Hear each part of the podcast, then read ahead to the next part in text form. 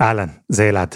אחד ביום יצא השבוע לחופשת קיץ קצרצרה, אבל אל תדאגו, אנחנו לא משאירים את האוזניים שלכם לבד, כי השבוע אנחנו מעלים כאן את הסדרה המיוחדת של יגאל מוסקו, חצי אדם, חצי נחש, על הסיפור המרתק שמאחורי רצח שהדהים את המדינה.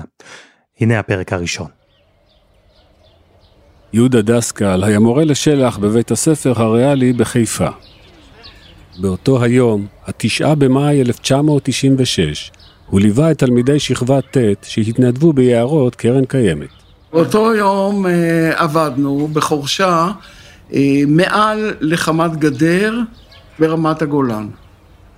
ואז אה, תוך כדי עבודה קוראת לי מישהי ששני ילדים מצאו שם משהו לא ברור ושאני אבוא. אז באתי וראיתי אותם בועטים ב... בהתחלה לא קלטתי מה זה בדיוק, איזה, חשבתי איזה חיה, משהו. הרחקתי אותם, אה, ניגשתי קרוב, קצת אה, הזזתי שם את האפר, ראיתי שזה יד של בן אדם. ערב טוב לכם מירושלים. המשטרה משוכנעת כמעט בוודאות שהגופה שנמצאה היום בגולן היא גופתו של לוכד הנחשים הנעדר יעקב סלע. הוריו של סלע חוזרים ומאשימים את חברתו ואת בנה ברצח. החברה טוענת בתוקף גם היום... שלושה שבועות היה יעקב סלע בחזקת נעדר עד שנמצאה גופתו בחורשת תאופיק ברמת הגולן. התעלומה תפסה כותרות כי יעקב סלע זכה לפרסום עוד קודם לכן והופיע כאיש נחשים בטלוויזיה. זה היה סיפור עסיסי, בזמן שסלע היה נעדר, הייתה צצה כל יומיים שלושה אישה כלשהי, ומספרת שהיא, רק היא, בת הזוג האמיתית שלו. כשהתגלתה גופתו, התעלומה גברה. למה שמישהו ירצה לרצוח את לוכד הנחשים הידוע? הנחשים באמת היו מרכז חייו, אבל כפי שתבינו בהמשך, לכידתם הייתה רק חלק קטן מהסיפור. אני מתעניין ביעקב סלע המנוח, באנשים שסבבו אותו ובאיש שרצח אותו כבר שנים רבות. לימים נתקלתי בחלק מגיבורי הסיפור, חובבי הזוחלים, דרך אחד מבניי שגידל נחשים. כן, כן, אשתי ואני נפלנו במדרון חלקלק, ומצאנו עצמנו מחזיקים עכברים במקפיא בשביל חיית המחמד של הילד. לאחרונה עלה שוב לכותרות שמו של הרוצח. הוא השתחרר ממאסרו ועומד בראש חברה שפיתחה, או לפחות מתיימרת שפיתחה, מכשיר מהפכני לגילוי מחלות. הרוצח המשוחרר הוא כבר איש עשיר והספיק להרכיב לעצמו אוסף יקר של נחשים. אני לא חושב שבשלושים שנותיי כעיתונאי נתקלתי בסיפור מטורף יותר מסיפור הרצח של יעקב סלע. אני יגאל מוסקו ואתם בחצי אדם, חצי נחש.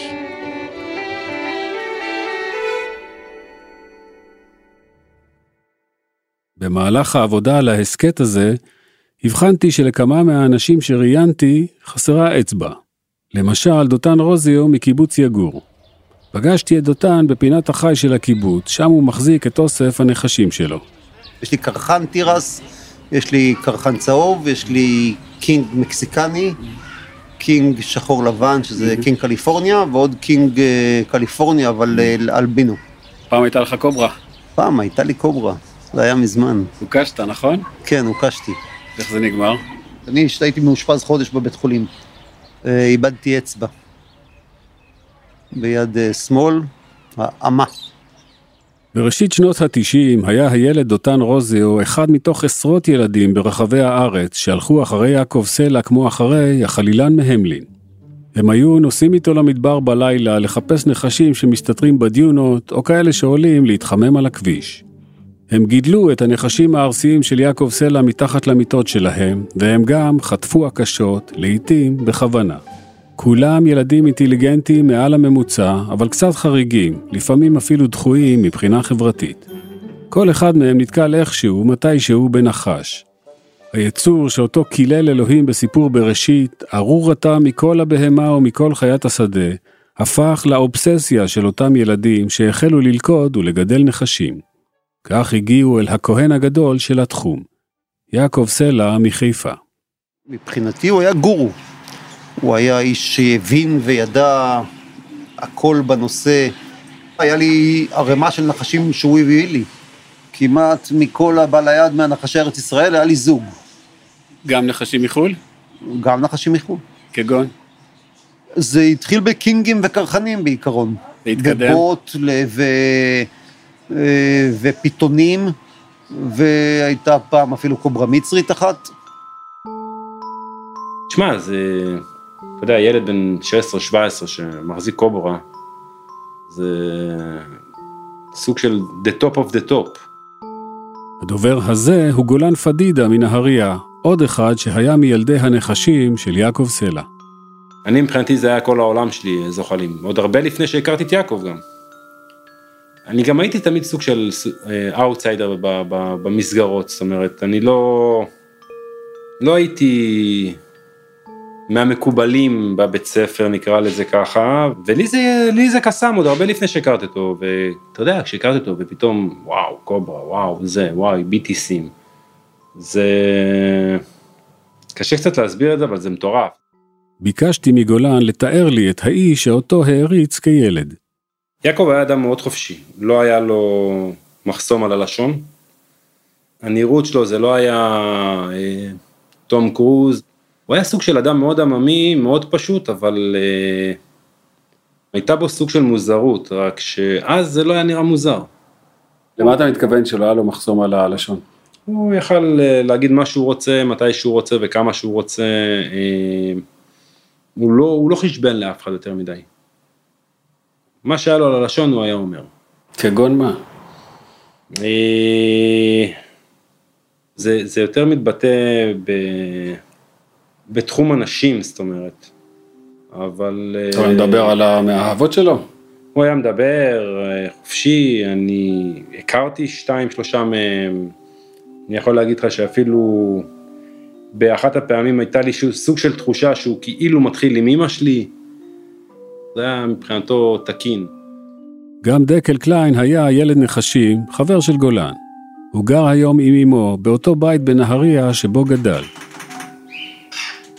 השינוי המשמעותי הוא שבמקום נחשים, יש בבית ארבעה תוכים גדולים. האמא, עופרה, יושבת לידינו. ידעת שדקל מחזיק כאן נחשים ארסיים? ידעתי. והם ברחו לו בבית. אפילו לא חיפש אותם, עזב אותם. כל פעם שאני ראיתי את הנחש, ראיתי רק קצה זנב, הייתי צורחת כמו משוגעת, אז הוא היה בא, תופס, מחזיר אותם לאקווריום. למה נמשכת לנחשים מלכתחילה? כי אחרים לא. כי הייתה חיה שאחרים לא נמשכו אליה. בבית ספר נחשבת חריג? תקופות מסוימות כן, תקופות אחרות לא, תקופות. אבל כשזה היה נוגע לנחשים, כן, הייתי חריג, כולם ראו בי כחריג בקטע עם הנחשים. זה משך אליך ילדים או הרחיק ילדים? גם וגם. גם וגם. יותר הרחיק ממשך. מבחינת ילדי הנחשים, פסגת החוויות הייתה להצטרף ליעקב סלע לחפש נחשים בטבע. אנחנו עם גולן פדידה. מבחינתנו לצאת איתו לשטח, זו הייתה חוויה אחרת, כי זה באמת, כמו שאנשים אומרים, היה סוג של אדם שכביכול מדבר עם נחשים. זה היה לפעמים הזוי, זה היה ברמה שהוא היה... רואה אותם, מרים אותם בידיים, וכאילו כלום, זאת אומרת, משהו לא, לא נתפס. היינו, היינו מתחרפנים מזה, זה היה משגע אותנו. מה הדבר הכי קיצוני שעשיתם איתו בחיפוש אחר נחשים? עברנו את הגבול, את הגבול ללבנון פעם אחת. עברנו את הגבול ללבנון. בשביל מה? לחפש נחשים. באזור ראש הנקרה תמיד הוא חיפש צבעים יותר בהירים, הוא היה לו איזשהו פנטזיה על צבעים לפקנים. ובאזור הוא באמת היו תמיד יותר אה, בהירים, העיקר הנקבות. לא, לא, לא חשבנו על זה שזה גבול בכלל, לא, זה לא עניין. הלכנו, פשוט הלכנו אחריו. והיה עוד שיא אחד מבחינת הילדים, להיכנס לדירתו של יעקב סלע. איתי טסלר הוא מנהל מחלקת הזוחלים בנגב זו, הגן הזואולוגי של באר שבע. איתי היה ילד בן 14 כשנסע לבדו מביתו בבאר שבע אל דירת הכהן הגדול של הזוחלים בחיפה. ראיתי כתבה שהייתה אז בעיתון לאישה. בכתבה הזאת הוא פרסם את החלבת זוחלים שלו, כן. שהוא מאוד אוהב צבעים וכל מיני נחשים ארציים וכאלה. עזרתי אומץ והתקשרתי אליו. ו... ואז הוא הזמין אותי להגיע אליו הביתה. ו... אז אה, זה היה די טירוף, אתה יודע, אתה נכנס לדירה שהיא מלאה ב... בנחשים. זה היה כזה כמו מין גן עדן כזה, נכנס לזה כזה, וואו, יש לו מינים שלא חלמתי אפילו לראות של אה, זוחלים, כאילו למדתי ממנו המון.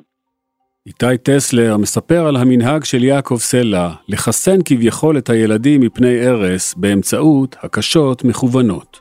אני הייתי מאלה שהיו מאוד סקרנים והיו מוכנים לנסות את הדברים האלה. וכן, חטפתי כמה פעמים ככה, אני לוקח את. נגיד נחש צפה, חולב אותו, כן. ואז uh, הוא היה שובר לו את השיניים. זה נורא, כן, זה נורא, זה משהו ש... וואו, כאילו, אני לא מאמין שבכלל עשינו את הדברים האלה. אבל הוא היה שובר את השיניים, כן. את ההרס על. נגיד חולצה או משהו כזה, והוא היה נותן לו לחש, להקיש. אז מה שבעצם אה, הבן אדם שחטף את המשיכה הזאת או הקשה הזאת היה מרגיש זה את השאריות של ההרס סלע היה גורם לנחש להקיש את הילד ביד, ליד המרפק. איתי זוכר שהיה שורף ומתנפח קצת. אתה חושב שהיום אתה מחוסן מפני הקשה של צפה? אני, אני לא יודע אם הייתי עד אז מחוסן נגד הקשה של צפה, הייתי ילד בן 14, כן. טיפש, סליחה על הביטוי, כן, אבל עשיתי, באמת הייתי בקטע הזה מושפע.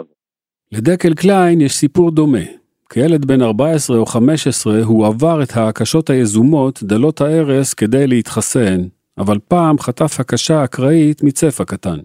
צפה של 20 סנטימטר, בבית בחדר, מישהו הסיח את דעתי בזמן שהצפה היה ביד שלי, כבר החזקתי אותו, ראיתי את התנועה הזאת של, הקק, של הסחיטה של הבלוטה, הרגשתי ישר את השורף וישר הבנתי מה קרה שם. לא נעים בכלל, לא ממליץ לאף אחד. איך זה נגמר אצלך? שלושה ימים בבית עם בקבוקי קרח על היד, נפיחות, כאבים, והמשכנו את החיים. לא הלכת לבית חולים? לא, פדיחה גדולה מדי.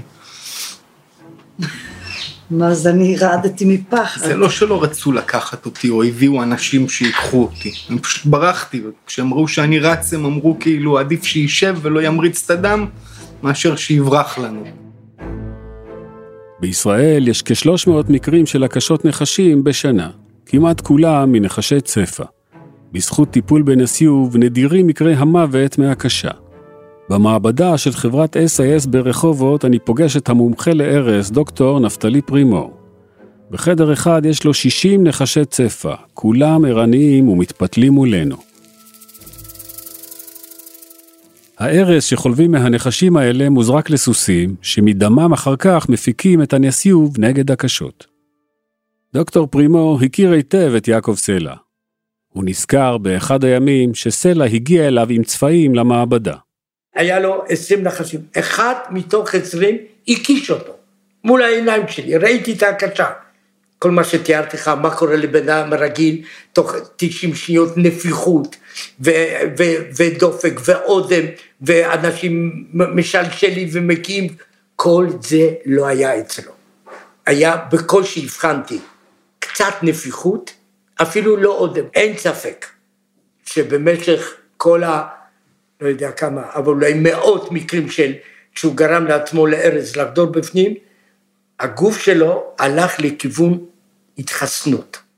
כן, כן, למרות שהספרות הרפואית אומרת שלא ניתן להתחסן מפני ארס, שכן זהו רע, לא וירוס או חיידק, יעקב סלע היה כנראה יצור אחר. זה לא המקרה הרגיל, רציתי שתדעו את זה. ברוב המקרים הקשות נוספות לא גורמות לנו להתחסן. והקשה הבאה הוא יגיב אותו דבר, וחלק יגיבו יותר חמור. מפתחים רגישות. והקשה הבאה יכולה להרוג אותם. אנחנו כבר מבינים למה כל כך הרבה נערים, חובבי נחשים, העריצו את יעקב סלע. אבל למה יעקב סלע השקיע בהם? מה קיבל הגורו בתמורה מלבד הערצה? למה בעצם הוא חילק לילדים נחשים ארסיים ונדירים? התשובה תגיע בפרק הבא, אבל לפני כן נכיר עוד ילד. הראל הרשטיק היה ילד בן 13 מקיבוץ דגניה ב' כאשר הכיר את יעקב סלע. בגיל צעיר הוגדרתי כסוציופט, סיפר לימים הרשטיק לעיתונאית שוש מולה מידיעות. עד היום אני רואה את בני כיתתי כלא יותר מאשר ילדים קטנים ומטומטמים. הם נראו לי כאילו בסרט וידאו בסלואו מושן. עד שהם קלטו משהו, הייתי כבר מעבר לזה. הרשטיק הבעייתי נשלח לזואותרפיה, טיפול באמצעות בעלי חיים בסמינר אורנים ליד טבעון. את פינת הזוחלים באורנים החזיק יעקב סלע. נשמע מוזר, אבל מישהו חשב שסלע והנחשים יכולים להיות פתרון לילדים עם בעיות התנהגות. כך סיפר הראל הרשטיק על סלע. נמיה טרפה לו נחש, אז הוא תפס אותה ושבר לה את האצבעות. אחר כך הרים אותה מהזנב ודפק לה את הראש ברצפה. בקיצור, הוא טבח אותה. ילד אחר היה מן הסתם מזועזע מן המחזה הזה, אבל הראל הרשטיק דווקא דבק ביעקב סלע אחרי מה שראה. גם הוא החל לגדל נחשים. שבע שנים לאחר מכן יגיע יומו של הראל הרשטיק להרוג, וזו לא תהיה נמייה.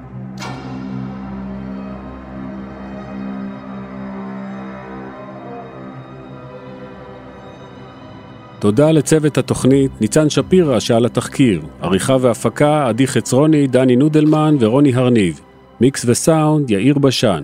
מנהל מחלקת הפודקאסטים של N12 הוא רום עתיק. אני יגאל מוסקו, ממשיכים מחר בחצי אדם, חצי נחש.